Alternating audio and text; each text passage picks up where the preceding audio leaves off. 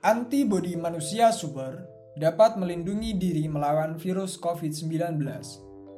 Perkembangan penanganan kesehatan atau pembuatan vaksin bagi COVID-19 kini menjadi prioritas kesehatan publik utama bagi semua negara di dunia. Secara global, lebih dari 219 juta orang dinyatakan positif corona dan lebih dari 4,55 juta jiwa di antaranya meninggal dunia. Dari data per 27 September 2021. Dengan laju kasus harian yang masih terus berlanjut. Di tengah kondisi internasional yang saling berpacu untuk mencari penemuan dan pembuatan vaksin COVID-19, para peneliti menemukan sebuah subkumpulan antibodi pada jaringan darah pasien COVID-19 yang telah berhasil sembuh. Antibodi ini menghasilkan perlindungan yang begitu kuat untuk melawan virus corona. Para peneliti mula-mula mengambil sampel darah pasien yang telah sembuh dari penyakit COVID-19 dengan gejala yang ringan ke berat.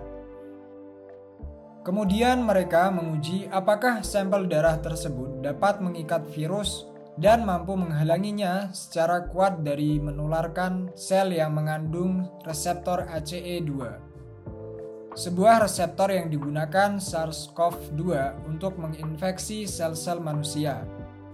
Eksperimen tahap awal mengarahkan pada pemisahan seribu antibodi berbeda yang dihasilkan oleh sel imun. Masing-masing antibodi tersebut menunjukkan afinitas atau kecenderungan pada anti SARS-CoV-2 yang berbeda satu sama lain. Di antara semua antibodi yang diuji, tim peneliti mengidentifikasikan beberapa antibodi yang mampu mencegah infeksi virus dan melindungi hamster dari paparan virus pada skala berat. Antibodi penetralisir berkekuatan super ini ditemukan untuk menargetkan lonjakan protein-protein corona yang terlokalisasi di permukaan viral dan sangat penting bagi virus untuk menempelkan dirinya pada sel-sel manusia. Antibodi-antibodi ini secara efektif menahan virus agar tidak memasuki sel-sel tubuh manusia dan dapat mematikan infeksi secara esensial. Menariknya, antibodi yang tidak dapat menetralisir virus ternyata ditemukan pada 75% pasien. Sementara antibodi yang dapat menetralisir virus hanya ditemukan pada kurang dari 5% pasien saja.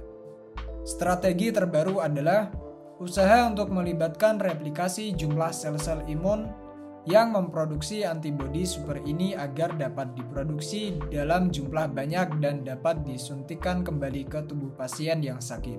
Para ilmuwan memprediksikan bila tes keamanan lanjutan pada hewan dan uji klinis pada manusia berjalan seperti yang diharapkan, maka antibodi itu akan dapat digunakan secara klinis secepatnya pada bulan Januari mendatang.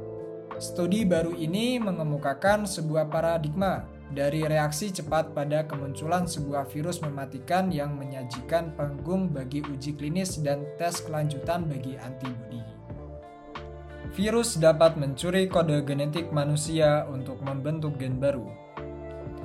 Virus memiliki kemampuan menimbulkan berbagai macam penyakit mengerikan yang sering kali mematikan inangnya. Selama satu milenium terakhir, umat manusia telah berhadapan dengan berbagai macam penyakit mematikan, mulai dari cacar hingga flu Spanyol, dan kini pandemi COVID-19. Salah satu karakteristik menarik dari organisme mungil yang mematikan ini adalah bahwa mereka bahkan tidak mampu membuat proteinnya sendiri. Mereka sepenuhnya bergantung pada inangnya untuk memproduksi proteinnya. Ketika virus menginfeksi sel inang, ia menggunakan mekanisme transkripsi dan translasi sel untuk memproduksi protein-proteinnya dan untuk menghasilkan salinan dirinya.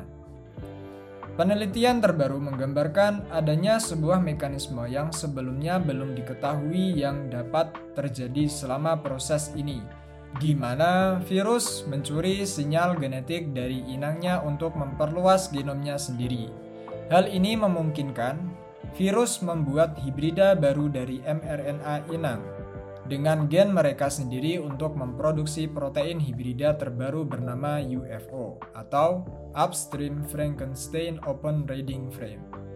Sebagai prinsip pembuktian hal ini, para peneliti menunjukkan setidaknya terdapat 10% virus influenza A yang memiliki protein-protein hibrida UFO ini.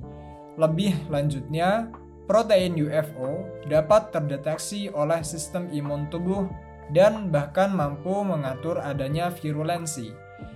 Masih diperlukan adanya studi lanjutan guna memahami kelas baru dari protein ini dan implikasi ekspresi penyebarannya melalui berbagai virus RNA yang dapat mengakibatkan epidemi dan pandemi.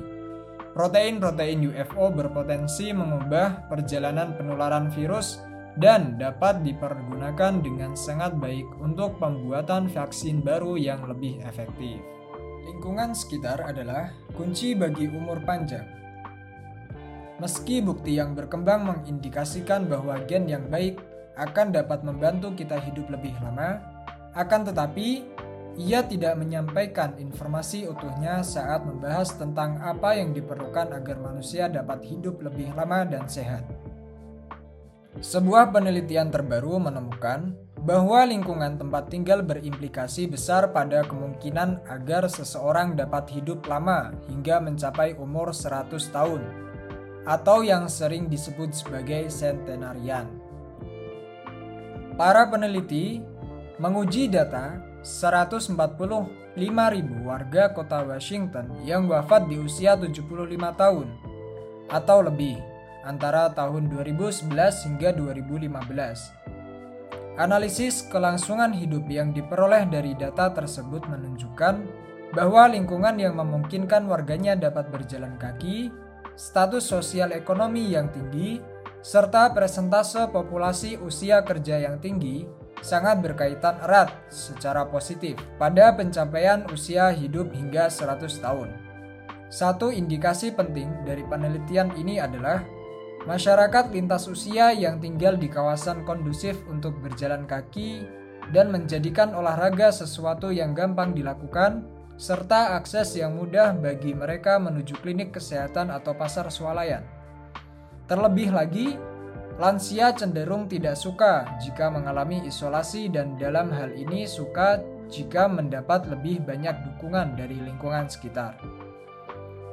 Studi sebelumnya memperkirakan bahwa faktor keturunan hanya menjelaskan peluang sekitar 20% hingga 35% seseorang mencapai usia 100 tahun.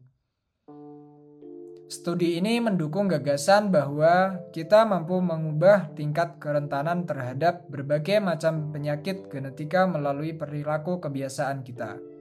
Dengan kata lain, jika kita tinggal di lingkungan yang mendukung hidup sehat bagi lansia, maka itu akan mempengaruhi kemampuan kita melawan masalah-masalah genetika melalui perubahan pada gaya hidup sehat.